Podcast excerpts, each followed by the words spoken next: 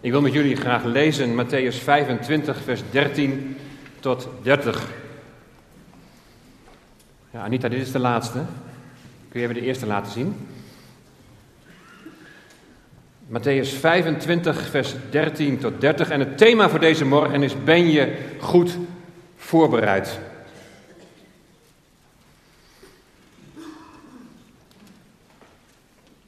In Matthäus 25, daar lezen we het volgende. Ik hoor mezelf een beetje galmen. Wees dan waakzaam, want u weet de dag en ook het uur niet waarop de zoon des mensen komen zal. Want het is als iemand die naar het buitenland ging, zijn eigen slaven bij zich riep en hun, en hun zijn bezittingen toevertrouwde. En aan de een gaf hij vijf talenten, aan de andere twee en aan de derde één. Ieder naar zijn bekwaamheid en hij reisde meteen weg. Hij, had die vijf talenten ontvangen, hij die vijf talenten ontvangen had, ging weg en handelde daarmee en hij verdiende vijf andere talenten erbij. Evenzo verdiende degene die de twee talenten ontvangen had er nog twee bij.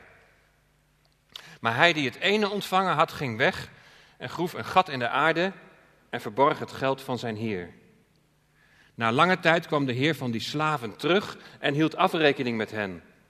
En degene die de vijf talenten ontvangen had, kwam en bracht nog vijf talenten bij hem.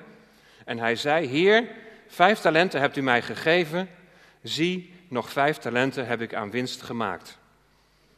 Zijn heer zei tegen hem: Goed gedaan, goede en trouwe slaaf.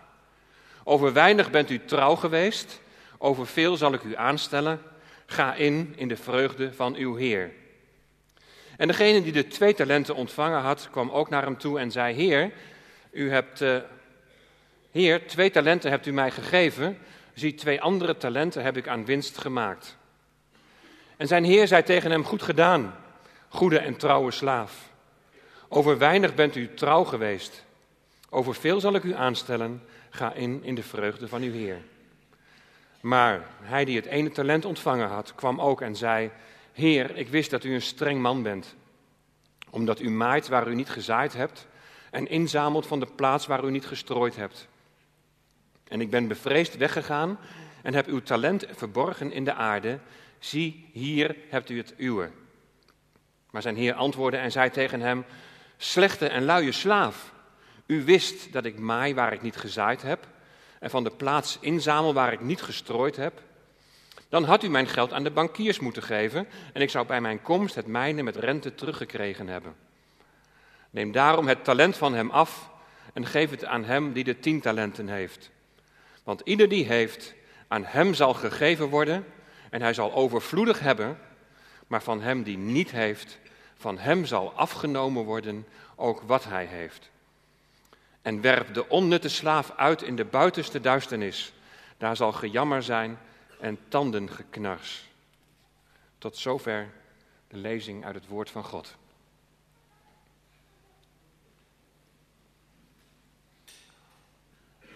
Ook dit Bijbelgedeelte, Matthäus 25, past nog in de hele serie die we met elkaar aan het behandelen zijn over de eindtijd. We zijn in het begin van Matthäus 24 zijn we begonnen, eigenlijk eind Matthäus 23. En we zijn inmiddels dus hier aanbeland. Vorige keer de gelijkenis over de wijze en de dwaze maagden. En nu is de deze gelijkenis over de talenten. En ik heb helemaal aan het begin gezegd, als je gaat spreken over de eindtijd, dan begeef je je op glad ijs. Het is namelijk soms moeilijk te verstaan wat Gods woord hierover zegt, over die eindtijd en hoe je de profetieën die over de toekomst gaan, hoe je die moet duiden in de tijd. Sommige profetieën zie je direct in de tijd van de profetie al in vervulling gaan. Maar vaak gaan ze deels in vervulling en ligt er nog een vervulling verder in de toekomst.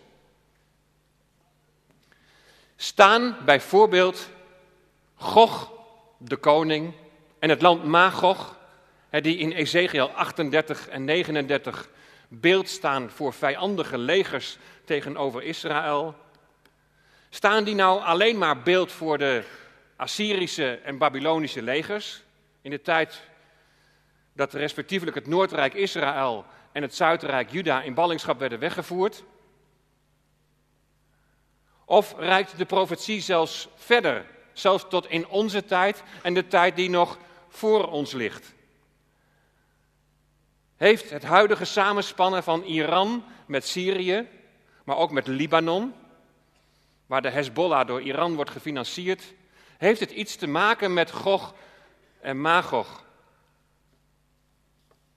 Welke rol speelt Rusland, die samen met Iran bondgenoot is van Syrië?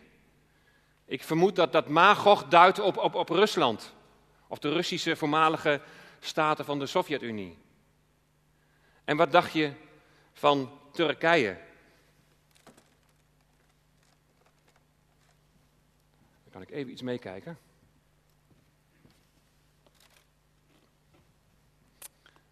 En als laatste zei ik, wat dacht je van Turkije? Mesech en Tubal, die ook in Ezekiel 38 en 39 worden genoemd, zijn het huidige Turkije. De Turkse krant Yeni Savak, die nauw aanleunt bij de AK-partij van de Turkse president Erdogan, die schrijft het volgende. The Organization of Islamic Cooperation, en dat is een coöperatie van 57 islamitische landen, die moet een gezamenlijk leger van 5 miljoen soldaten mobiliseren om de strijd met Israël aan te gaan.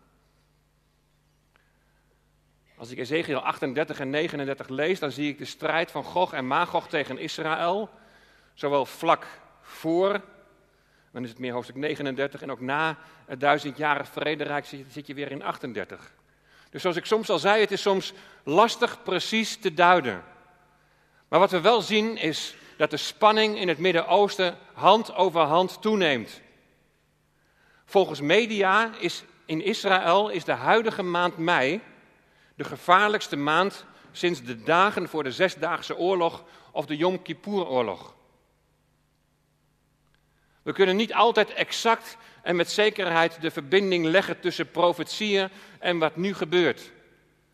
Maar we zien wel dat alles zich vanuit een bepaalde richting en in een bepaalde richting beweegt. Dreiging vanuit het noorden en degene die bedreigd wordt is Israël. Het offensief beweegt zich in de richting van Israël. Geheel in lijn met de Bijbelse profetieën. Bedenk daarbij dat net als in de tijd van de ballingschap het zo is dat God deze legers ten strijde zal doen optrekken. Er zal een eindstrijd plaatsvinden waarin de Heere God zelf een ommekeer zal brengen. Hij zal voor zijn volk de overwinning behalen. En het hoogtepunt is dat hij zijn geest zal uitstorten over het huis van Israël. En dan zullen ze sterk in uw kracht en gerust in uw bescherming, zullen ze ten volle gaan ervaren en begrijpen. Nou, dit alles is niet direct het onderwerp van vanmorgen, maar het is wel actueel en het is belangrijk om acht te geven op het profetische woord. Dat er in ieder geval een bewustzijn bij ons is dat alles wat in deze wereld gebeurt, dat het niet zomaar gebeurt en dat God de schepper daarin betrokken is. Laudi bad al dat de Heer het niet uit de hand loopt. Hij voert zijn plan uit. En ook al kunnen wij het nog, nogmaals niet exact duiden, maar we zien wel een bepaalde beweging ontstaan die steeds meer en meer Israël in de verdrukking brengt. We kunnen niet met zekerheid zeggen dat de Heer Jezus binnen tien jaar terugkomt. Maar als ik kijk naar de ontwikkelingen in deze wereld, zou het me niet verbazen. Maar of het nu tien jaar duurt, of het duurt korter, of het duurt langer. De meest belangrijke vraag is de volgende. Leef je in de verwachting van de komst van de Heer Jezus? Ben je erop voorbereid? Ben jij goed voorbereid als Jezus komt? En dat is nogal een vraag. Daar een antwoord op geven is veel belangrijker dan dat je de profetieën exact kunt duiden. En de tijd waarin wij nu leven. Wanneer ben je dan goed voorbereid? Wanneer ben je nou goed voorbereid op zijn komst? Voorbereid zijn op zijn komst betekent in ieder geval dat Jezus' komst voor jou niet als een verrassing komt. Want je verwacht hem altijd. Je verwacht hem iedere dag. Je verwacht hem ieder moment. Je ziet naar hem uit die jou lief heeft en die zijn leven voor jou heeft gegeven. Dat is het allereerste aspect van goed voorbereid zijn. Altijd verwachten dat hij komt. Zo leven dat hij elk moment kan verschijnen. Dat elk moment de bazuin kan klinken en de aartsengel kan roepen en wij de Heeren tegemoet gaan in de lucht om voor altijd bij hem te zijn. Het tweede aspect van altijd bereid zijn voor zijn komst, dat wil ik met jullie bekijken aan de hand van de gelijkenis van de talenten. Deze gelijkenis, ik zei het al, is nog een voortvloeisel uit de zogenaamde eindtijdreden van de Heer Jezus in Matthäus 24. Bij Jezus' discipelen leefde niet de verwachting van zijn komst, want hij was er immers al. Hij was in hun midden. Maar wel de verwachting van zijn parousia. Hebben we eerder bij stilgestaan. En een parousia betekent meer dan zijn komst. Parousia betekent dat Jezus koning zal zijn over deze aarde. Dat hij zijn koningschap zal vestigen. En die verwachting van de discipelen die was helemaal in overeenstemming met de prediking van de Heer Jezus. Hij preekt namelijk, bekeer u, want het koninkrijk der hemelen is nabijgekomen. En dan duidt Jezus op het koninkrijk waar hij als Messias koning zal zijn. Ze hadden het zo hoopvol leren bidden in het Onze Vader. Uw koninkrijk komen, gelijk in de hemel, zo ook op de aarde. Het doel van gelijkenissen is dat Jezus zijn discipelen op deze manier onderwijst en uitleg geeft over de geheimenissen van het koninkrijk. Het koninkrijk van God. En hoe krijg je dan toegang tot dat koninkrijk van God? Dus het was allereerst was het onderwijs voor zijn discipelen. We kijken het eerst weer vanuit het Joodse perspectief. Maar er is zeker ook vanmorgen een boodschap voor ons. Er is vanmorgen een boodschap voor jou, voor ons allemaal. Wat het begrip koninkrijk betreft, zijn er drie fasen te onderscheiden. De eerste fase is de komst van de Heer Jezus, de komst van de koning in nederigheid, geboren in Bethlehem. Jezus de heiland, Jezus de verlosser, bracht het koninkrijk, bracht hij nabij. In de persoon van de Heer Jezus Christus was het koninkrijk al aanwezig. Het was midden onder hen. En daarmee was ook zijn koninkrijk midden onder het volk. Hoewel er zeker nog de verwachting was dat er nog een concreet koninkrijk zou zijn waarover de Messias koning zou zijn. Ze hebben hem, de koning, echter verworpen. En dus ook het koninkrijk. Het koninkrijk wordt uitgesteld. En dan komen we bij de tweede fase van dat koninkrijk. Dat koninkrijk nam na de hemelvaart van de Heer Jezus een verborgen gedaante aan. De Heer Jezus is afwezig. Hij is als iemand die naar het buitenland is gegaan. Hij is opgevaren naar de hemel en hij troont aan de rechterhand van de Vader. Het koninkrijk is nu een verborgenheid. In Colossense 3, vers 3, daar staat dat ons leven met Christus nu verborgen is in God. Geen zichtbaar koninkrijk, geen zichtbare koning. Maar wel zijn de slaven de dienaren van de koning, zoals wij die ook zijn, die zijn nu in die verborgen situatie wel actief in dienst van Hem op deze aarde. Om iets van Zijn koninkrijk en van Zijn glorie te laten zien, Hem te weerspiegelen. De derde fase kun je lezen in het Bijbelgedeelte dat volgt na deze gelijkenis van de talenten. In Matthäus 25, vers 31. Wanneer de zoon des mensen komen zal. Dan wordt het koninkrijk wordt in macht en majesteit wordt geopenbaard en zichtbaar. Het begin van het Messiaanse Rijk, het begin van het vrederijk met de Messias, met de Heer Jezus Christus als koning. En de gelijkenis van de talenten, die gaat over die tweede fase. De fase van dat verborgen koninkrijk. De periode na de hemelvaart en voor zijn wederkomst. dat het de periode na de hemelvaart betreft, kun je aan het begin van deze gelijkenis zien in de man die vertrekt naar het buitenland. Er wordt eerst gesproken over de zoon des mensen, over dat hij terug zal komen. En direct staat er dan, en dan is daar een man en die gaat naar het buitenland. Die vertrekt naar het buitenland, naar de hemel. En de discipelen worden opgeroepen om waakzaam te zijn, want ze weten de dag en ook het uur niet waarop die man vertrokken is, die vertrokken is, de zoon des mensen, wanneer die zal komen. Ze weten niet wanneer de Heer Jezus zijn koningschap op deze aarde zal vestigen. En dan schetst de Heer Jezus hier in deze gelijkenis de weg naar dat koninkrijk toe. Iemand gaat naar het buitenland, Jezus vaart op naar de hemel en hij vertrouwt zijn bezittingen aan zijn slaven toe. En ze moeten wachten totdat hij komt om afrekening te houden, waarbij ze waakzaam moeten blijven.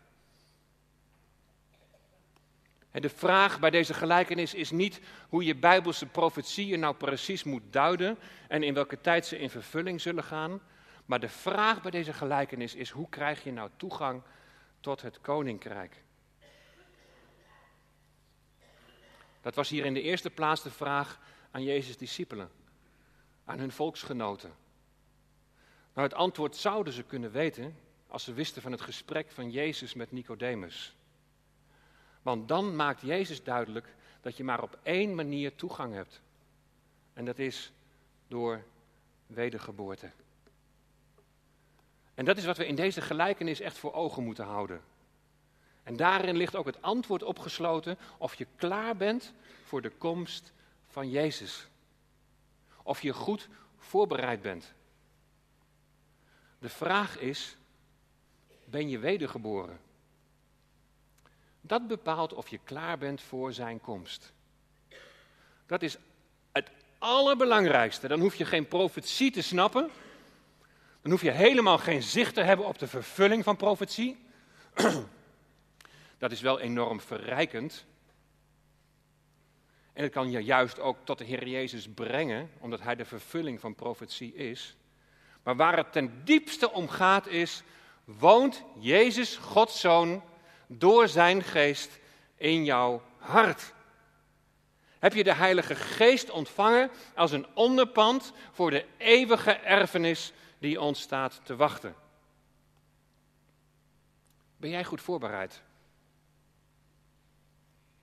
En net als bij de gelijkenis van de wijze en de dwaze maagden zie je overeenkomsten en je ziet verschillen. De tien maagden hadden aanvankelijk allemaal een lamp die brandde. Ze hadden allemaal het woord, hebben we gezegd. Ze hadden allemaal de Tenach, het Oude Testament, als een lamp voor hun voet en als een licht op hun pad. Maar van de vijf dwaze maagden doofden de lampen. Ook aan hen zijn de woorden Gods toevertrouwd, maar het oude verbond, de wet die leidt tot veroordeling en die leidt tot de dood, dooft langzaam uit en er komt iets anders voor in de plaats. En de vijfde wijze maagden, die hebben een extra kruikje met olie, beeld van het nieuwe verbond dat voor het oude verbond in de plaats komt. Beeld van de inwoning van de Heilige Geest, de wedergeboorte. God die zijn geest geeft in mensen die beleiden dat Jezus Heer is. Nou, in vers 29 zie je bij deze gelijkenis van de talenten ook datzelfde onderscheid. Wel wedergeboren en niet onwedergeboren. Lees maar mee in vers 29. Want ieder die heeft, aan hem zal gegeven worden en hij zal overvloedig hebben, maar van hem die niet heeft, van hem zal afgenomen worden ook wat hij heeft. Ieder die heeft betekent ieder die wedergeboren is. En ieder die niet heeft betekent ieder die niet wedergeboren is. En ga nu met deze informatie in je achterhoofd is goed die gelijkenis van de talenten lezen. Hoe wordt er gehandeld als de slaven van de eigenaar, als de eigenaar van de slaven naar het buitenland is vertrokken? En bedenk daarbij dat Jezus zich richt tot zijn Joodse discipelen die nog leven onder het oude verbond. Hoe wordt er gehandeld als de zoon des mensen is opgevaren naar de hemel? En wat is er dan van belang? In deze gelijkenis spreekt de Heer Jezus over handel drijven. Handel drijven totdat Hij komt. En dat handel drijven doe je met talenten. Nou, laat het direct duidelijk zijn dat het Griekse woord talanta, wat hier vertaald is met talent, dat het niets te maken heeft met een natuurlijke begaafdheid. Je bent bijvoorbeeld goed in piano spelen. Of we hebben Esther net prachtig fluit horen spelen. Dat wordt niet bedoeld. Het is heel opmerkelijk wat de dikke Van Dalen zegt over de betekenis van talent. In dit woordenboek wordt ook wel aangegeven dat het gaat om natuurlijke begaafdheid. Maar eerst wordt de volgende betekenis gegeven, namelijk dat talent een bepaald gewicht, een geldsom is. Nou, als je dit gaat omrekenen, ik zal jullie de hele berekening besparen, maar dan zal blijken dat één talent het loon is voor ruim 16 jaar werken. Twee talenten dus voor 32 jaar werken en vijf talenten voor 80 jaar werken. Dus bij vijf talenten is het loon voor je hele leven is gegarandeerd. Nou, we noemen dat wel een hyperbool, een, een hele sterke overdrijving. Dat past ook heel goed bij gelijkenissen. Waar het hier om gaat is dat talenten een zeer grote rijkdom vertegenwoordigen. Dat er verschil is in talenten, daar hoeven wij ons niet druk over te maken. Een vergelijkbaar iets lees je ook in 1 Korinthe 12 over de gaven van de geest. Namelijk dat hij toedeelt gelijk hij wil. Het past een beetje bij onze cultuur om daarover te gaan zeuren en te zeggen, ja, maar die krijgt minder dan die. In andere culturen wordt daar dan heel anders geredeneerd. Die zeggen, wat, wat mooi dat er wordt vermenigvuldigd. En dat is waar het om gaat in deze, in deze gelijkenis. Het gaat om vermenigvuldiging. Het gaat om vrucht dragen. Wat die rijkdom is, kun je lezen in de tekst. De man die naar het buitenland ging, de zoon des mensen gaf zijn slaven zijn bezittingen. Hij vertrouwde zijn bezittingen aan hen toe. En dat is die rijkdom. Het gaat niet om wat wij van nature bezitten, maar om wat de Heer die naar het buitenland gaat aan zijn discipelen toevertrouwt. Denk er nog even aan dat Jezus de Jood spreekt tegen zijn Joodse discipelen. En dan kun je het volgende zeggen. In het basispakket zit dat de woorden Gods aan hen zijn toevertrouwd. In Romeinen 9 kun je nog veel meer lezen over Gods rijkdom voor de Israëlieten. Voor hen geldt de aanneming tot kinderen. En de heerlijkheid en de verbonden en de wetgeving en de eredienst en de belofte. Ze hebben talenten ontvangen. Dat betekent ze hebben geestelijke schatten van de Heer ontvangen. Alle slaven hebben ontvangen en de Heer heeft toegedeeld gelijk Hij wil. Maar wat zullen ze ontvangen in die verborgen periode van het koninkrijk? Wat ze daar zullen ontvangen, dat gaat dit alles verre te boven. Want dan zullen ze de vervulling van de heerlijkheid, de verbonden, de wetgeving, de eredienst en de belofte, die vervulling zullen ze zien in de Heer Jezus Christus, die door zijn geest in hen wil wonen. De alles overstijgende rijkdom is dat Christus zichzelf geeft aan hen, wil geven aan hen. Het meest wezenlijke dat Hij hen wil geven, met de nadruk op geven, God, de gevende God, is dat Hij door Zijn geest in hen wil komen wonen. En hen zo tot een nieuwe schepping wil maken en dat Hij door Zijn geest die wedergeboorte in hen wil bewerken. En dan gaan ze vanzelf vrucht dragen. Dan zullen ze, zoals in Filippenzen 2, vers 12 staat, zullen ze hun zaligheid bewerken. Dat betekent, hun, ze zullen hun zaligheid, hun redding zullen ze gaan bevestigen. En dat bevestigen betekent dat uit hun leven zal blijken dat ze van Christus zijn. En dat kunnen ze niet uit hunzelf. Dat blijkt ook als je doorleest in Filippenzen 2, vers 13. Want het is God die in u werkt, zowel het willen als het werken, naar zijn welbehagen. Ben je goed voorbereid? Heb je die Heilige Geest ontvangen? Ben je wederom geboren? Heb je je leven aan de Heer Jezus toevertrouwd? Dan kan het niet anders, dan ga, dan ga je vrucht dragen. Want dat is wat de Geest in je uitwerkt. Het is bij deze gelijkenis zo triest met die ene slaaf met dat ene talent.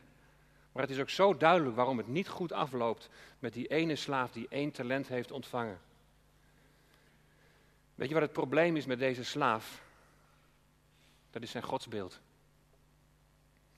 Hij kent de Heer wel, maar wat hij slechts van de Heer weet, is dat hij een streng man is. Dat is op zich ook wel zo, maar dat is maar een heel eenzijdig beeld.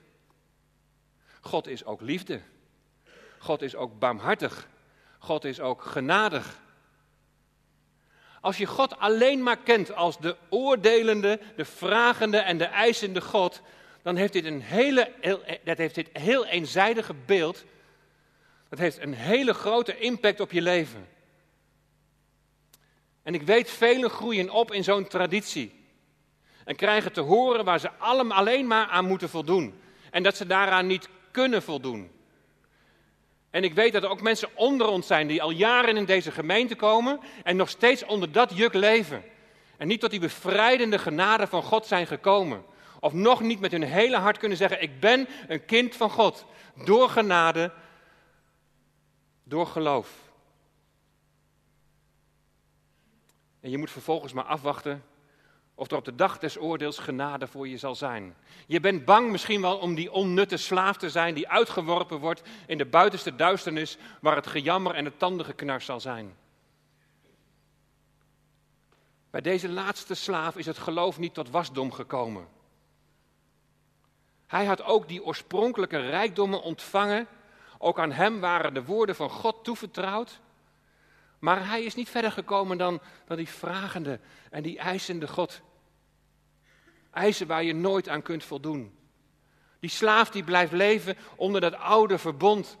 Net als die, die dwaze maagden in de vorige gelijkenis. En dan zal er ook nooit sprake zijn van vrucht. Dan zal er nooit sprake zijn van vermenigvuldiging, omdat het gebaseerd is op je eigen inspanning. En niet op wat de Heilige Geest in je wil uitwerken. In Galaten 6, vers 8 daar staat, want wie in zijn eigen vlees zaait, zal uit het vlees verderf oogsten. En dat is precies wat met deze slaaf gebeurt. Hij zal voor de grote witte troon moeten verschijnen. Dan wordt hij geoordeeld overeenkomstig wat in hun boeken geschreven stond. Geoordeeld overeenkomstig hun werken. En dan is het onvoldoende. Omdat alles uit het vlees is. En dan gaat het boek des levens open. En dan staat er in Openbaring 20, vers 15. En als iemand niet bleek ingeschreven te zijn in het boek des levens, werd hij in de poel van vuur geworpen. Of zoals het in deze gelijkenis staat, in de buitenste duisternis, daar zal gejammer en tandengeknars zijn. In deze slaaf met één talent herkennen we de fariseeën. Ook aan hen zijn de woorden Gods toevertrouwd. Maar uit Matthäus 23 blijkt dat het geen uitwerking heeft. Ze worden zelfs huigelaars genoemd. Wat zegt Jezus tegen hen? Hoe zullen jullie aan de veroordeling van de hel ontkomen? Zegt Jezus tegen de Fariseeën. Aan wie ook de woorden God zijn toevertrouwd. Die ook dat talent hebben ontvangen. Al die geestelijke rijkdommen. Maar hoe anders is de situatie van die andere twee slaven? Uit de vermenigvuldiging blijkt hun wedergeboorte. Ze dragen vrucht. En vrucht betekent in de eerste plaats dat je verandert naar het beeld van de Heer Jezus. Wedergeboorte doet je veranderen naar zijn beeld. In je spreken, in je luisteren, in je gedachten, in je handel en wandel. En daar is het verlangen om God te gehoorzamen. Maar je weet dat je het niet van jezelf kunt. En je hebt daartoe de kracht van Gods geest heb je nodig. En je gebed is dat Hij door zijn geest dat levenslange proces van verandering in je zal uitwerken.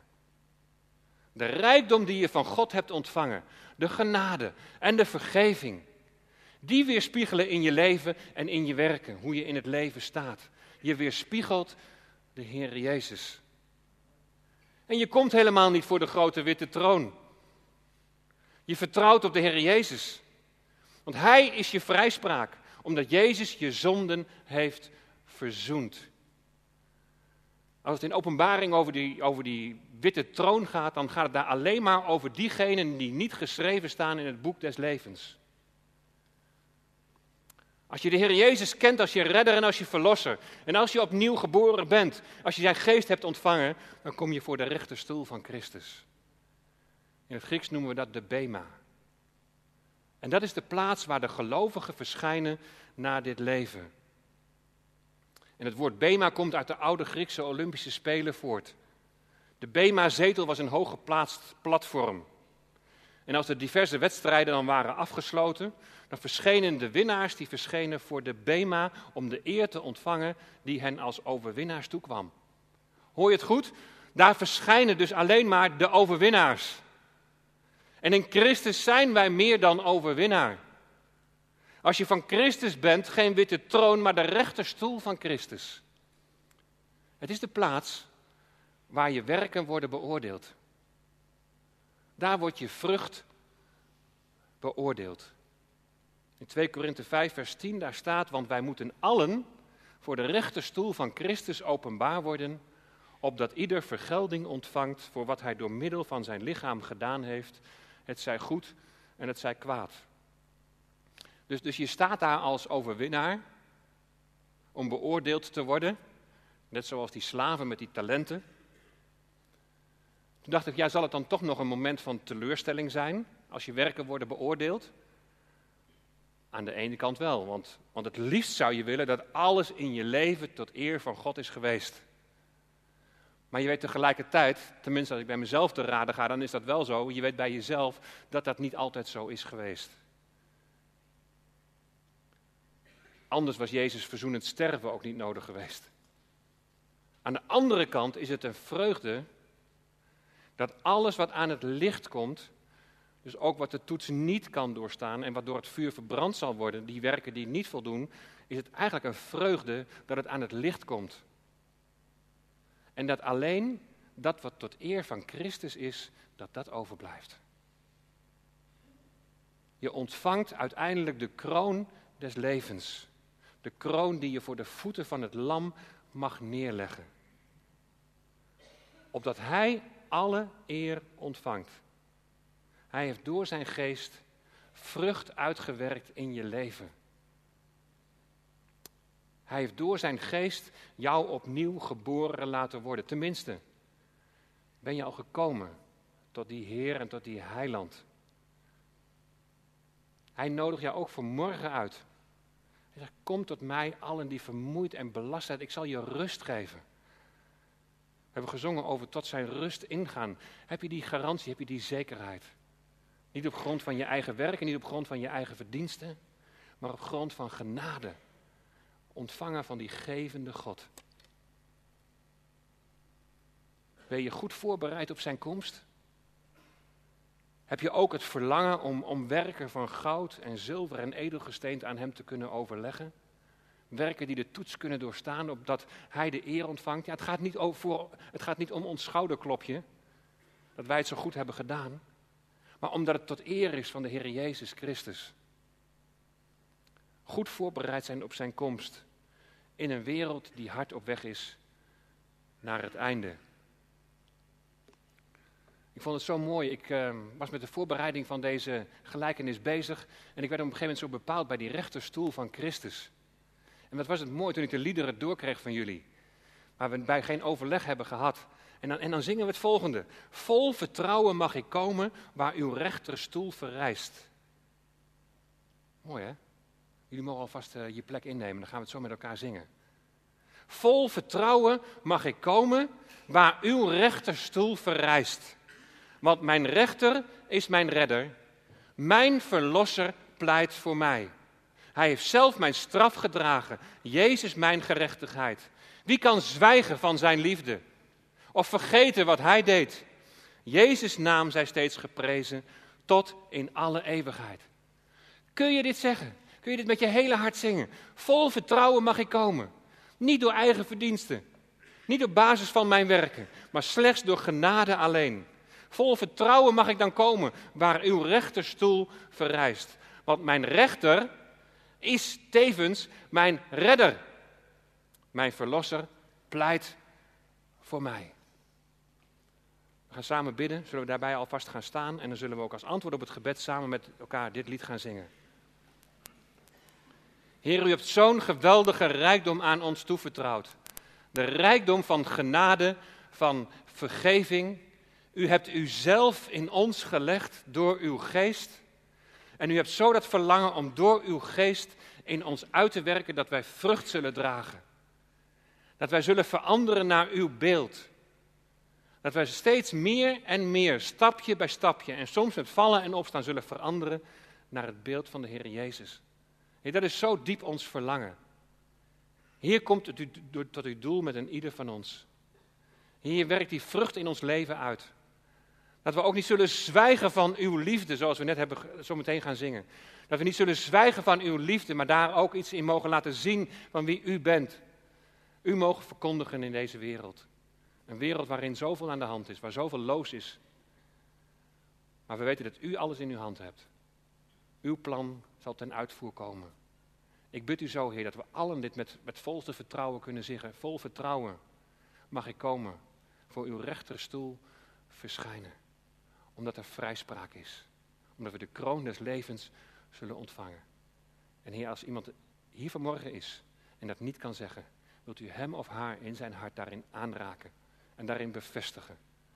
Om Jezus wil. Amen.